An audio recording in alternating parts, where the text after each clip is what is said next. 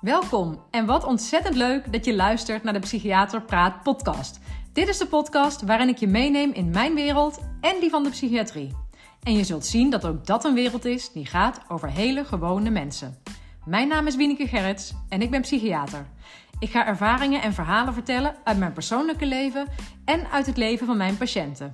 Laat je raken, inspireren, motiveren of gewoon een hart onder de riem steken. Mijn missie is om zoveel mogelijk mensen in beweging te zetten om voor zichzelf te zorgen. Door met elkaar te delen en hulp te vragen als dat nodig is. Niet alleen bij professionals, ook bij elkaar. Zo maken we samen het leven wat draaglijker en onszelf of de ander soms gewoonweg een stukje gelukkiger. Heel veel luisterplezier.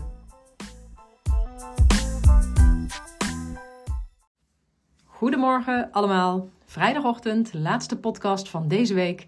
Maar welkom bij de Psychiater Praat podcast.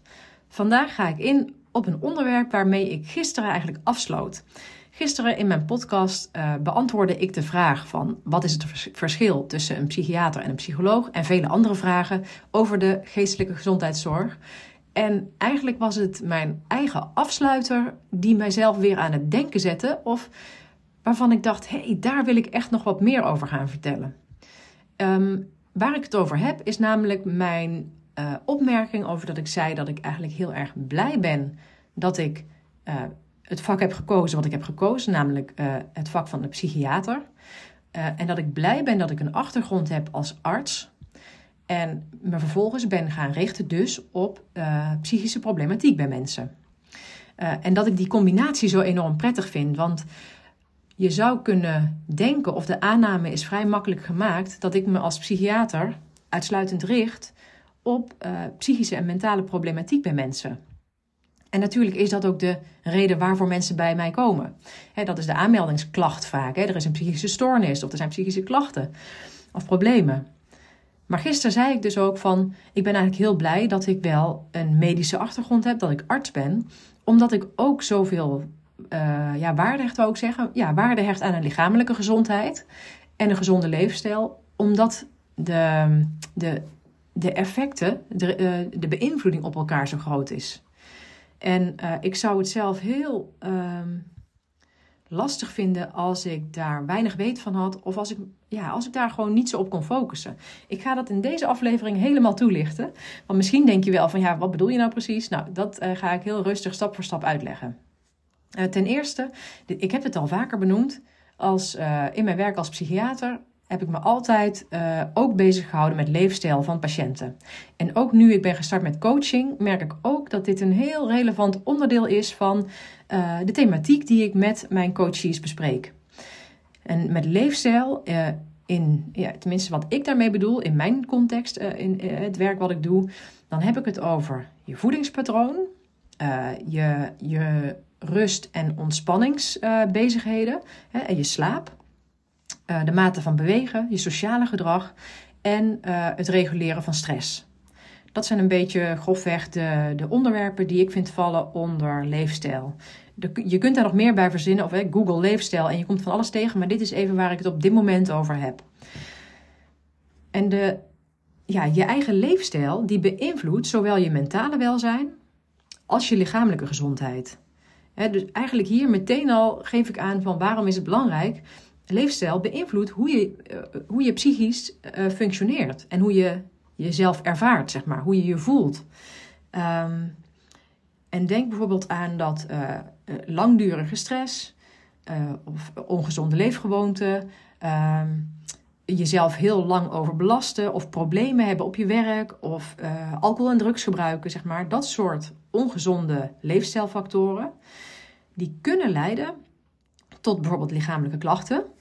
Denk bijvoorbeeld aan uh, uh, heel veel hoofdpijn hebben.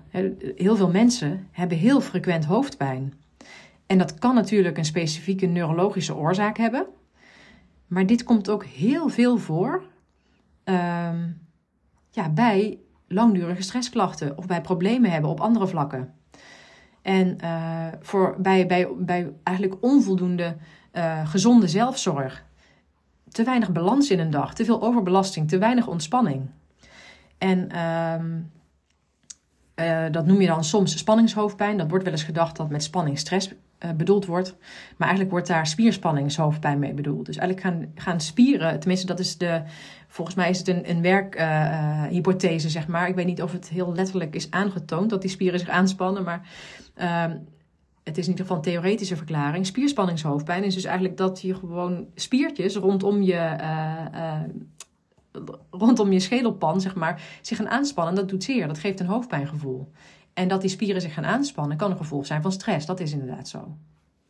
Maar ook allerlei andere lichamelijke klachten kunnen mensen krijgen doordat er uh, leefstijlproblemen zijn. Denk bijvoorbeeld aan buikpijn of darmproblemen. Mensen die uh, moeilijk naar de wc kunnen gaan, geobstipeerd raken of juist uh, heel vaak naar de wc moeten en meer diarreeachtige klachten hebben. Komt enorm veel voor en kan soms, eh, daar moet ik er iedere keer eigenlijk bij zeggen, maar dat kan een lichamelijke bepaalde ziekte zijn die daaraan ten grondslag ligt.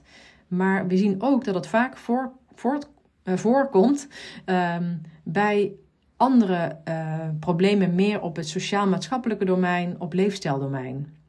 Mensen kunnen ook pijn op de borst krijgen of hartkloppingen krijgen. Bijvoorbeeld bij, bij meer angst- en spanningsklachten. Veroorzaakt door bijvoorbeeld een arbeidsconflict. Of uh, nou, rugpijn komt natuurlijk enorm veel voor bij mensen. En kan ook een, uh, een gevolg zijn van overbelasting. Um, nou, natuurlijk vermoeidheid of pijnlijke spieren. Allemaal lichamelijke klachten die een gevolg kunnen zijn van een leefstijl die niet helemaal dienend is. En niet, dus die eigenlijk ongezond is. En leefstijlfactoren kunnen ook weer psychische klachten geven. Want uh, nou ja, stel je bijvoorbeeld een voorstel dat je financiële problemen hebt, uh, uh, om wat voor reden dan ook, omdat je ontslagen bent, wat dan ook. Um, dan kun je heel, heel veel zorgen gaan maken. En dan kun je misschien ook wel wat angstklachten van krijgen. oh jee, hoe ga ik het allemaal regelen? Hoe gaat het met mijn toekomst? dus dat geeft ook een, heeft ook een psychische weerslag. Ehm, je kunt je er somber bij gaan voelen, of wanhopig, of alleen, of verdrietig. Uh, misschien schaam je je wel voor uh, de, de, de, situatie waar je in terecht bent gekomen. Of word je boos op allerlei instanties of mensen om je heen. Dat zijn weer allemaal psychische klachten die je kunt krijgen. En nou is het niet zo dat ik dan dus daarmee zeg van... oh, eigen schuld, dikke bult. Hè. Door jouw leefstijl uh, heb je buikpijn en voel je je wanhopig. Nee, zo bedoel ik het niet. Want het is ook zo dat je, bedoel, dat is niet altijd waar je primair voor kiest. Soms ontstaat zo'n situatie. Um, en nou, bijvoorbeeld als je um, uh, een heel jong gezin hebt of zo, er is net een kind geboren, dan worden je nachten verstoord. Dan is het bijvoorbeeld moeilijk om te zorgen voor goede slaap. En dan um, heeft het soms wat tijd nodig voordat je eh, weer een beetje een nieuwe routine hebt ontdekt waarin je voldoende uitgerust kunt raken. En dan kan het best zijn dat je leefstijl een tijdje ja, tussen aanhalingstekens ongezond is. Dat je eigenlijk te weinig rust, te weinig kunt opladen, misschien te weinig ruimte kiest voor ontspanning. En dat je daardoor inderdaad um, nou, ontzettend vermoeid raakt, letterlijk door te weinig slaap. Maar misschien ook wel prikkelbaar wordt of chagrijnig. En, uh, dus, uh, en, en dat je dus eigenlijk gewoon last krijgt van psychische klachten. Nou, nou is het ook weer zo dat lichamelijke en psychische klachten elkaar kunnen beïnvloeden.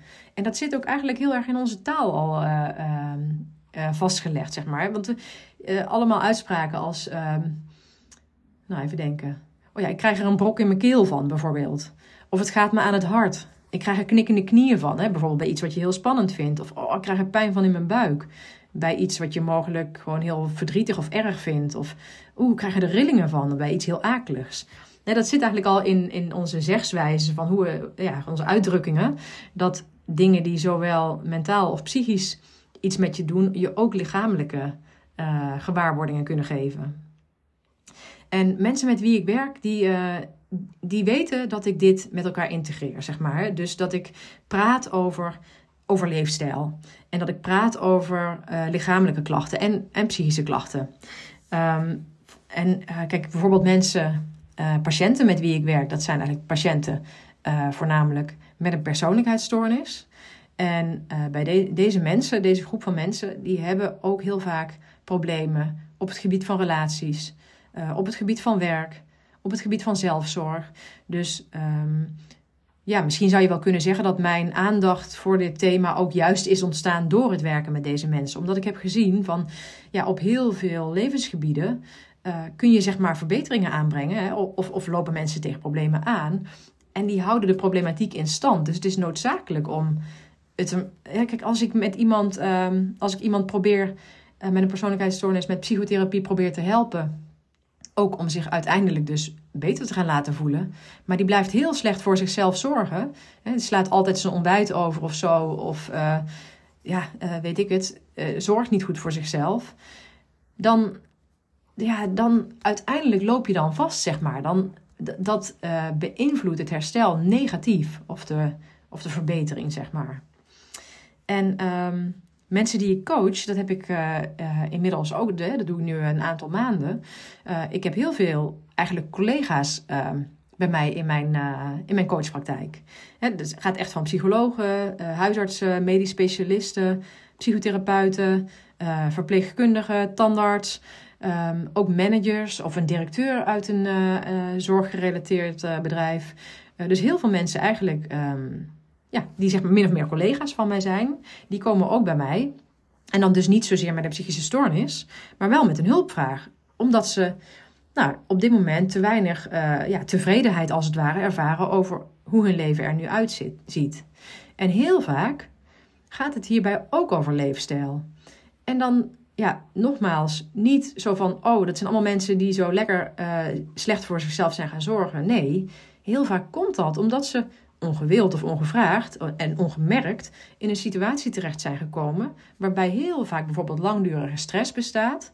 Um, en eigenlijk ten gevolge daarvan soms ook ja, toch minder goede zelfzorg. En dat is misschien een hele harde uitspraak of zo. Hè? Of tenminste, dat klinkt misschien heel streng, weet ik niet. Maar zelfzorg zit hem er ook in dat je dus inderdaad, uh, is het niet alleen maar in van elke ochtend je tanden poetsen of zo. Het is niet zeg maar dat soort praktische dingen die ik daarmee bedoel. Maar het gaat dus ook heel erg over van hoeveel ruimte geef je voor jezelf, maak je voor jezelf. Om leuke dingen te doen, om ontspanning te ervaren. zoek je vrienden nog op of... Uh, uh, ga je af en voer je je hobby nog uit? Of heb je dat eventjes maar aan de kant geschoven vanwege de drukte die je hebt? Kijk, problemen waar mensen die je coach mee lopen, of onderdeel van hun bestaan, waardoor er iets is veranderd of waardoor ze ja, last ervaren, zijn vaak uh, best wel uh, grote levensgebeurtenissen. Nou, net noemde ik eigenlijk al in het begin als voorbeeld van het stichten van een gezin. Hè, is eigenlijk ook ontwrichtend voor je leven.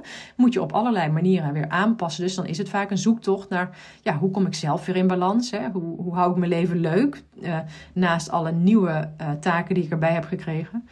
Maar ik heb juist ook mensen die um, bijvoorbeeld een belangrijk familielid verloren zijn, wat een grote impact heeft op ze. Of uh, mensen die uh, in scheiding zijn of net een scheiding achter de rug hebben, hele grote impact. Um, of die een, een ziek familielid hebben, een gezinslid, uh, een partner of een kind, of dat ze zelf een bepaalde ziekte hebben. Nou, zo noem ik er een aantal die minuten binnenschieten. Maar er zijn dus ook best wel vaak grote levensgebeurtenissen of ingrijpende omstandigheden, die maken dat je weer op zoek moet eigenlijk naar een nieuwe vorm van een gezonde leefstijl.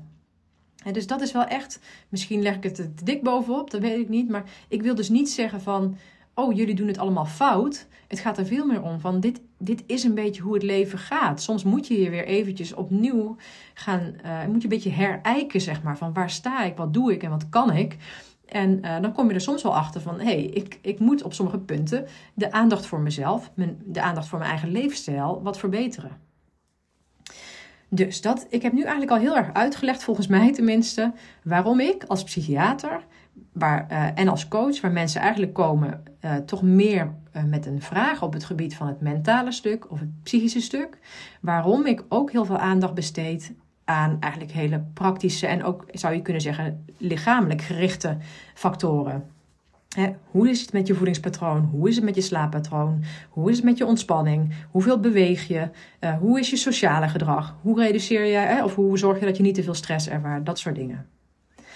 Maar daarnaast, um, en dat is dus niet zozeer leefstijl, ja, het hangt wel met elkaar samen, maar um, waar ik nu nog wat over wil zeggen, is het hebben van een lichamelijke ziekte.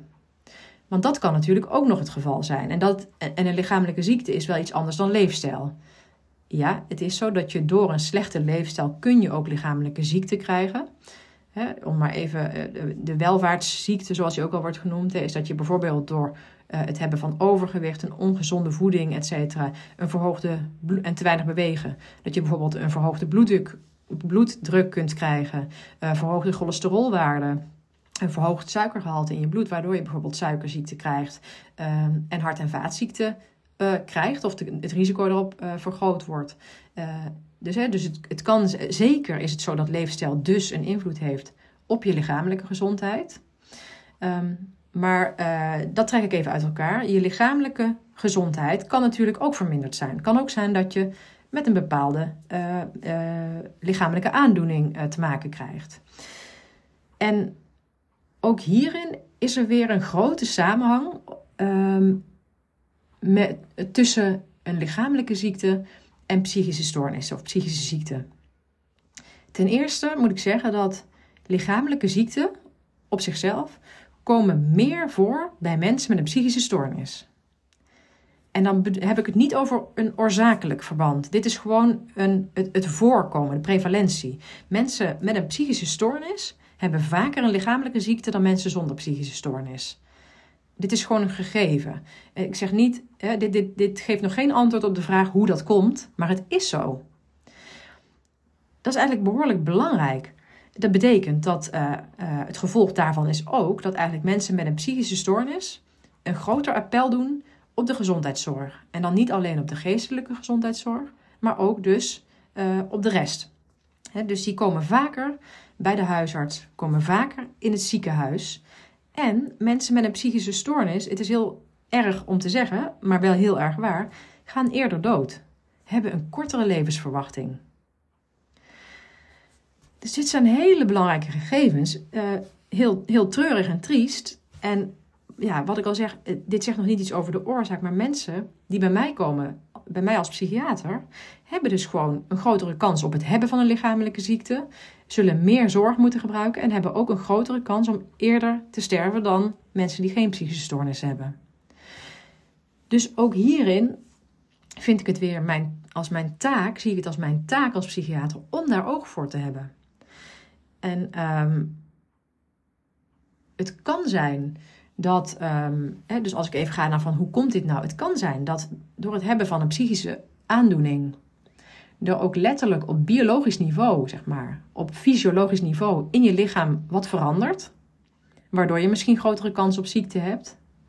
Maar het kan ook weer een gevolg zijn dat mensen met een psychische stoornis door hun, door de manier waarop ze leven en door de manier waarop ze voor zichzelf zorgen, door de manier waarop ze misschien op tijd, dus niet op tijd hulp vragen, misschien daardoor vaker lichamelijke ziekte ontwikkelen, zeg maar. Dat kan. Maar ik vind dus dat als ik een patiënt zie, met diegene moet kijken hoe is het met je lichamelijke gezondheid. Dus ik neem altijd een uitgebreide anamnese af, zo, dat is het woord wat ik daarvoor gebruik. Dat is een soort vraaggesprek waarin ik ook screen op allerlei, gewoon op lichamelijke gezondheid. En kijken ook van hoe is je gewicht, hoe is je bloeddruk, uh, dat soort zaken. En als ik daar aanleiding voor zie, dan uh, doe ik ook bloedonderzoek. Om te kijken van, als, als ik denk van hé, hey, de klachten die jij beschrijft, iemand is depressief en de klachten die je beschrijft zouden ook wel eens te maken kunnen hebben met een te traag werkende schildklier, dan, dan check ik dat. Kijk, het is niet zo dat ik vervolgens ook lichamelijke aandoeningen ga behandelen. Uh, in sommige settings kan dat. Ik weet bijvoorbeeld, uh, als je een psychiatrische afdeling binnen een ziekenhuis hebt, dan zijn de psychiaters vaak nog wel wat meer um, uh, nou, gericht op, maar ook wel uh, onderhouden de kennis een beetje meer zeg maar, voor het behandelen van dit soort dingen. Dan, ja, die gaan misschien sneller zelf ook wel aan de slag. Maar als ik bijvoorbeeld bloedonderzoek doe en er komen afwijkende waarden uit, dan nemen we contact op met de huisarts bijvoorbeeld. Van hé, hey, we hebben dit gesignaleerd, wil jij dit gaan vervolgen? Of de huisarts die stuurt degene misschien wel door naar een medisch specialist. Um, dus ik heb daar altijd aandacht voor. En wat ook nog eens zo is, wat, waar we ons ook bewust van moeten zijn, is ook een groot nadeel. Maar het feit dat medicatie die we gebruiken voor mensen uh, bij psychische klachten, hè, dus bij, antipsychotica of antidepressiva of allerlei verschillende middelen die wij kunnen gebruiken, um, die hebben als bijwerking soms ook een negatief, uh, negatieve invloed op lichamelijke ja, zaken, zeg maar. En bij sommige medicijnen kun je bijvoorbeeld het effect hebben dat je verhoogde cholesterolwaarde krijgt. Dat ligt dan niet per se aan je eigen leefstijl, maar dat is dan een gevolg van het medicijn wat je gebruikt. dus daar moeten we ook alert op zijn. Dan moeten we ook vervolgen. Dan moeten we ook kijken van, hey, blijven die waarden nog goed? En zo niet, wat kunnen we er misschien daar weer aan doen? Er zijn ook. Ehm, wacht even. Nee, wat ik eigenlijk wil zeggen is. Dus lichamelijke ziekten komen ook nog eens meer voor. En die moeten natuurlijk goed behandeld worden. Maar daarnaast is het zo dat überhaupt het hebben van een lichamelijke aandoening heeft ook weer um, een emotioneel en sociaal uh, maatschappelijk, uh, maatschappelijke impact. En die kunnen ook leiden tot emotionele klachten. Dus het is ook nog eens zo dat niet zozeer eigenlijk de aandoening zelf, maar meer het überhaupt hebben van een lichamelijke aandoening, ook een negatieve invloed heeft op jezelf en dus ook emotionele klachten kan geven. En hier kan ik eigenlijk ook wel mijn eigen ervaring daarmee uh, uh, kort aanstippen. Kijk, ik heb heel lang gelopen met, uh, met, met pijnklachten in mijn heupen, in mijn heupbekkenregio. En uh, dat beperkte mij ook. Dat betekent, want toen op een gegeven moment was ik echt gewoon zo beperkt, had ik zoveel pijn iedere dag dat ik minder kon werken, uh, dat ik minder, eigenlijk of tot niet, zeg maar, mijn vrienden kon opzoeken. Dat ik, dus eigenlijk zou je kunnen zeggen, mijn leefstijl was toen een periode ook niet helemaal gezond. Want Um, nou oké, ik, ik at voldoende en ik sliep goed. Ik bedoel, eigenlijk dat soort dingen deed ik wel. Maar kwam ik tot positieve ontspanning? Nee, eigenlijk niet. Ik, ik, ik lag heel veel op de bank, omdat ik eigenlijk weinig kon bewegen, zeg maar. Maar dat was niet echt een heel positieve ontspanning. Uh, nou, wat ik al zei, ik bewoog eigenlijk weinig, want daar had ik te veel pijnklachten voor. Uh, sociaal had ik dus ineens een super beperkt bestaan, want ik kon eigenlijk niks. En ja, het gaf me ook stress, want er moest wel van alles gebeuren thuis. Er allemaal jonge kinderen, er moest voor gezorgd worden. Uh, nou, dus ik, ik zat toen eigenlijk ook in een, in een soort klem. En ik, ben daar, ik heb daar geen psychische stoornis van gekregen. Ik ben niet depressief geweest of zo. Maar ik heb wel ervaren hoe ongelooflijk negatief dat mijn, uh, ja, mijn emoties beïnvloeden. Ik, ik, ja, ik was met regelmaat daar heel verdrietig over, over die situatie. En ook, nou, en voornamelijk ook nog eens heel gefrustreerd. Want ik wilde eigenlijk van alles, maar dat ging allemaal niet. En ik wist niet zo goed wat ik moest doen, hoe ik eruit moest komen. Dus hè, een, een, ja, hoe zeg je dat? Ik was niet volstrekt wanhopig, maar wel een beetje dat gevoel zo van, ja, maar wat kan ik nou, hè, hoe moet ik hieruit komen? Had een enorme impact op me. En, nou ja, wat ik al zei, ik ben niet iemand met een psychische stoornis, maar stel je voor dat, uh, dat ik uh, ook uh, depressies had of zo, en ik kreeg deze lichamelijke aandoening, dan zou dat natuurlijk mijn depressie ook negatief beïnvloeden. Of als ik in behandeling was voor mijn depressie, zou het ook de behandeling uh, tegenwerken hè, of het herstel negatief beïnvloeden.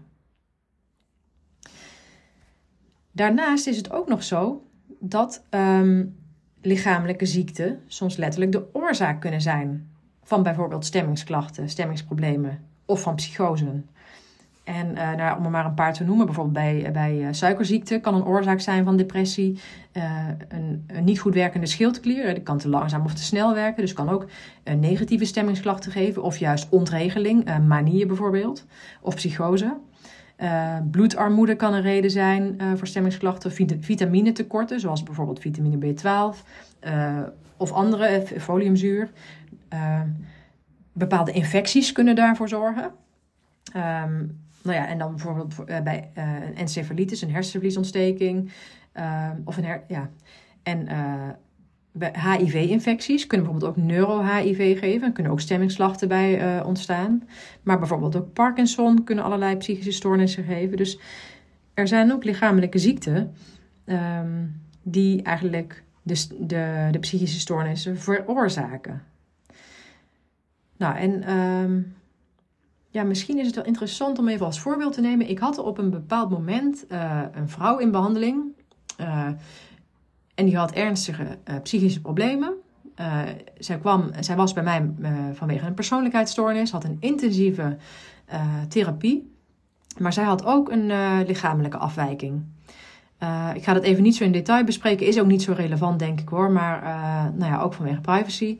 Um, ze had ook een lichamelijke aandoening, waardoor ook zij uh, veel pijnklachten had en lichamelijk weinig belastbaar was. Um,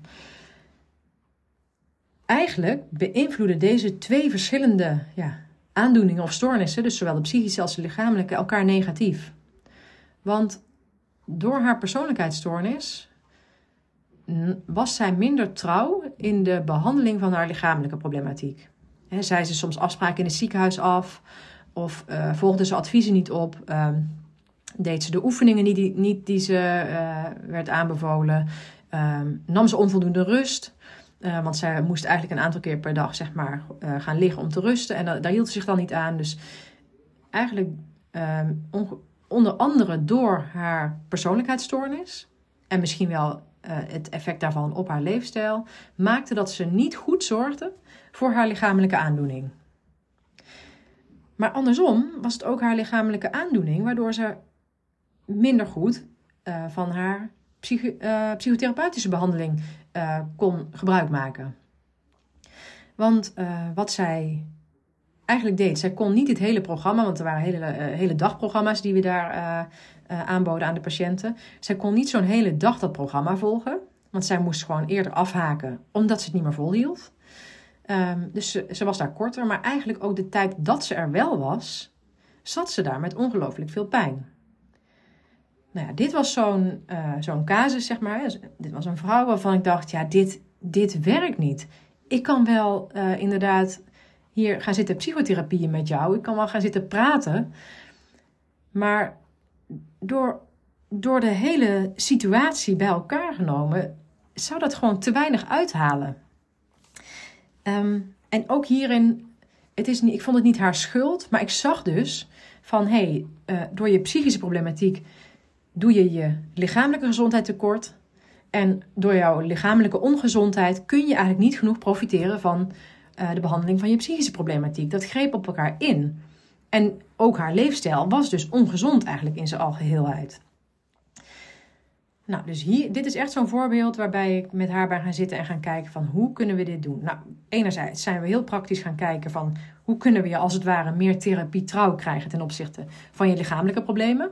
Nou, zo spraken bijvoorbeeld af dat zij uh, vanaf dat moment altijd iemand mee zou nemen als ze een afspraak in het ziekenhuis had. Zodat ze daarmee eigenlijk een, meer een stok achter de deur had. Van, hè, dat iemand anders ook, ook al zou ze op die dag zelf denken: nee, ik wil niet, of laat maar zitten, of het haalt toch niks uit.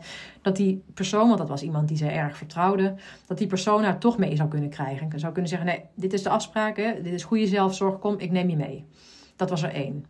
Daarnaast maakten we, um, of, ja, hielpen we haar met het maken van een, een dagplanning en een weekplanning, waarbij die rustmomenten wel werden ingepast. Um, en zodat ze eigenlijk ja, al voor, door die voorbereiding alleen al meer geneigd was zich daaraan te houden. En omdat zij dus in een, uh, in een dagprogramma uh, van meerdere dagen in de week bij ons in behandeling was, konden we haar ook helpen om daaraan te houden. Dus dat hield in dat ze eigenlijk eerder dan dat ze daarvoor deed, bijvoorbeeld wel die rustmomenten pakte. Dat ze even 20 minuten op bed ging liggen, dus een stukje van het programma miste. Maar daardoor kon zij eigenlijk ja, beter, zeg maar, dus uh, kwalitatief beter aanwezig zijn op de momenten dat ze er wel was. En kon ze de dagen ook langer volhouden. Dus kon ze eigenlijk in absolute zin een groter deel van het programma volgen. Daarnaast had zij dus uh, ja, eh, lichamelijke problemen. Um, en was het voor haar eigenlijk bijna niet te doen om uren op een dag op, een, op zo'n harde stoel te zitten, zeg maar, die uh, daar in de therapieruimtes waren. En zo'n, dus toen uh, ben ik met haar gaan kijken. En toen hebben we, ik bedoel, soms moet je ook gewoon pragmatisch zijn, hè. Maar toen heb ik uit een van de, uh, heb ik even overlegd, zeg maar, met, met de manager. Maar we hebben gewoon een goede bureaustoel, die eigenlijk bij een van de werkkamers van, van de therapeuten stond. een bureaustoel hebben we gereserveerd voor haar, haar naam opgeschreven. En dat zij daar de rest van haar behandeling gebruik van kon maken. Want die stoel die was en zeg maar zachter. Die kon ze op de goede hoogte stellen. Die kon ze een klein beetje kantelen. Dus armleuningen had hij. Dus daarmee had, kon zij een zithouding creëren. Waardoor zij gewoon het beter volhield. Nou ja, dit, voor, mij is, is dit echt zo'n voorbeeld waarvan ik denk... Ja, hier hebben we uh, er echt goed aan gedaan... dat we niet alleen maar zijn gaan kijken van... Oh, je hebt een persoonlijkheidsstoornis nou, huppakee, uh, we gaan uh, je psychotherapie geven en de andere vaktherapieën die daarbij hoorden. Uh, en dat, dit is ons domein. Nee, we zijn ook gaan kijken hoe kunnen we zorgen dat jij lichamelijk gezonder wordt. En dat is gelukt. Dus zij heeft uiteindelijk ehm, ja, gewoon en zowel op lichamelijk gebied als op psychisch gebied ja, goede resultaten geboekt. Dus ik ga hem, ik ga hem afsluiten, zeg maar, met.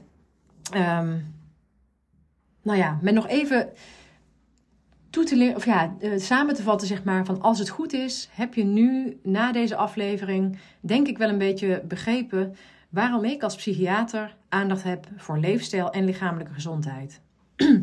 het is echt zo, als ik dat niet zou doen, dan, ja, voor mij voelt het dan zeg maar als dweilen met de kraan open. Hè, of water naar de zee dragen, verzin er een mooie, mooie gezegde voor. Maar als ik geen aandacht heb voor die andere gebieden, ja, dan doe ik mijn patiënten tekort.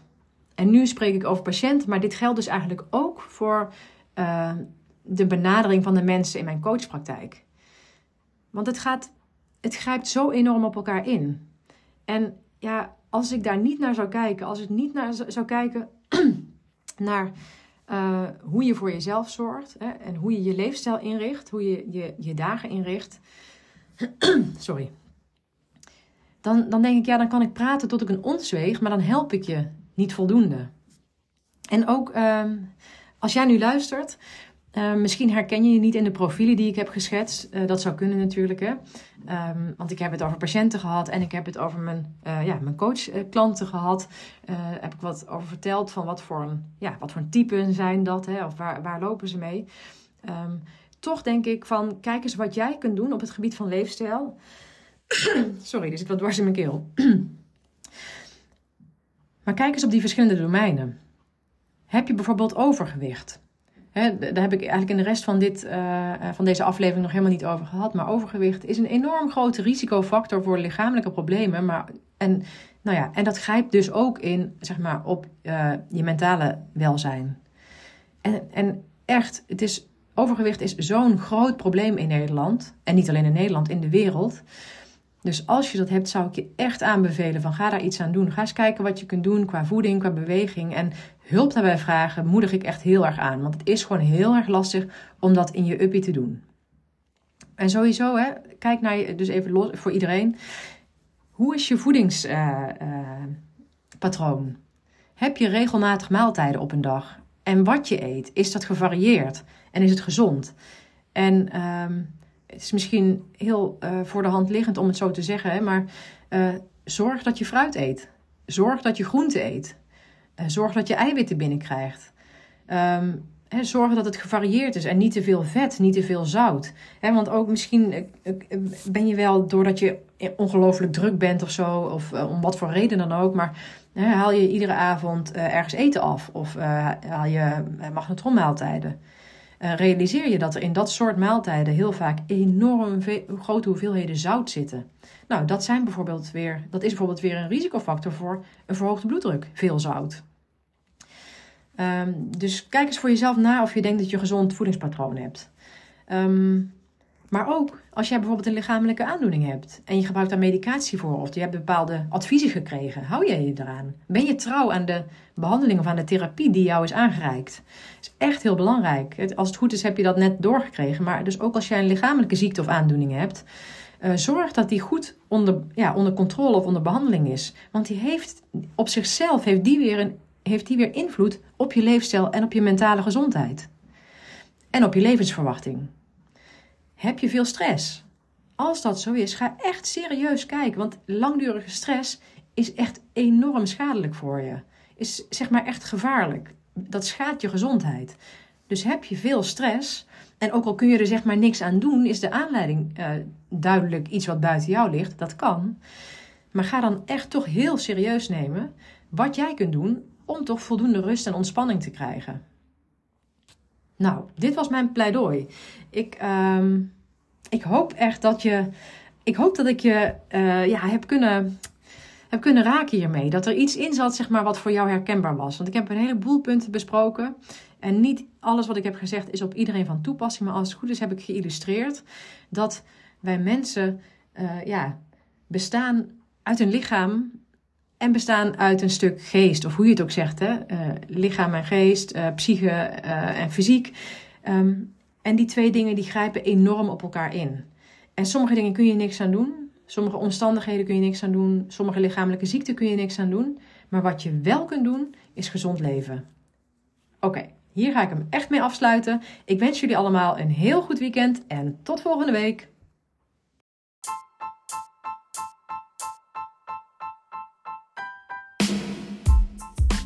Ha, ik vind het echt super leuk dat je mijn aflevering beluisterd hebt. En nogmaals, heel erg bedankt daarvoor. Hopelijk heeft het je ook aangesproken. En wil je me dat laten weten? Dat kan via mail naar info.wienekegerrits.nl, een bericht via Instagram, waar ik te vinden ben onder wieneke underscore of op LinkedIn onder mijn eigen naam. Ik vind het heel leuk om ook jou beter te leren kennen en te weten wie er luistert. Jij kunt ook anderen inspireren door mij te taggen, bijvoorbeeld in je stories of je feed op Instagram. En wat jij van mij kunt doen, is in jouw podcast-app waar je deze beluistert, een review achterlaten. Bijvoorbeeld een aantal sterren. Wil je dat doen? Zo kom ik erachter of en hoe mijn podcast gewaardeerd wordt en wordt hij beter vindbaar voor anderen. Overigens kun je je ook abonneren op deze podcast in je app. Hoe dat per app werkt, weet ik niet precies, maar vaak is er een knop subscribe, abonneren of volgen en dan krijg je automatisch een berichtje of in je app te zien als ik een nieuwe aflevering heb geplaatst. Maar nogmaals, super, super, super dank en tot de volgende!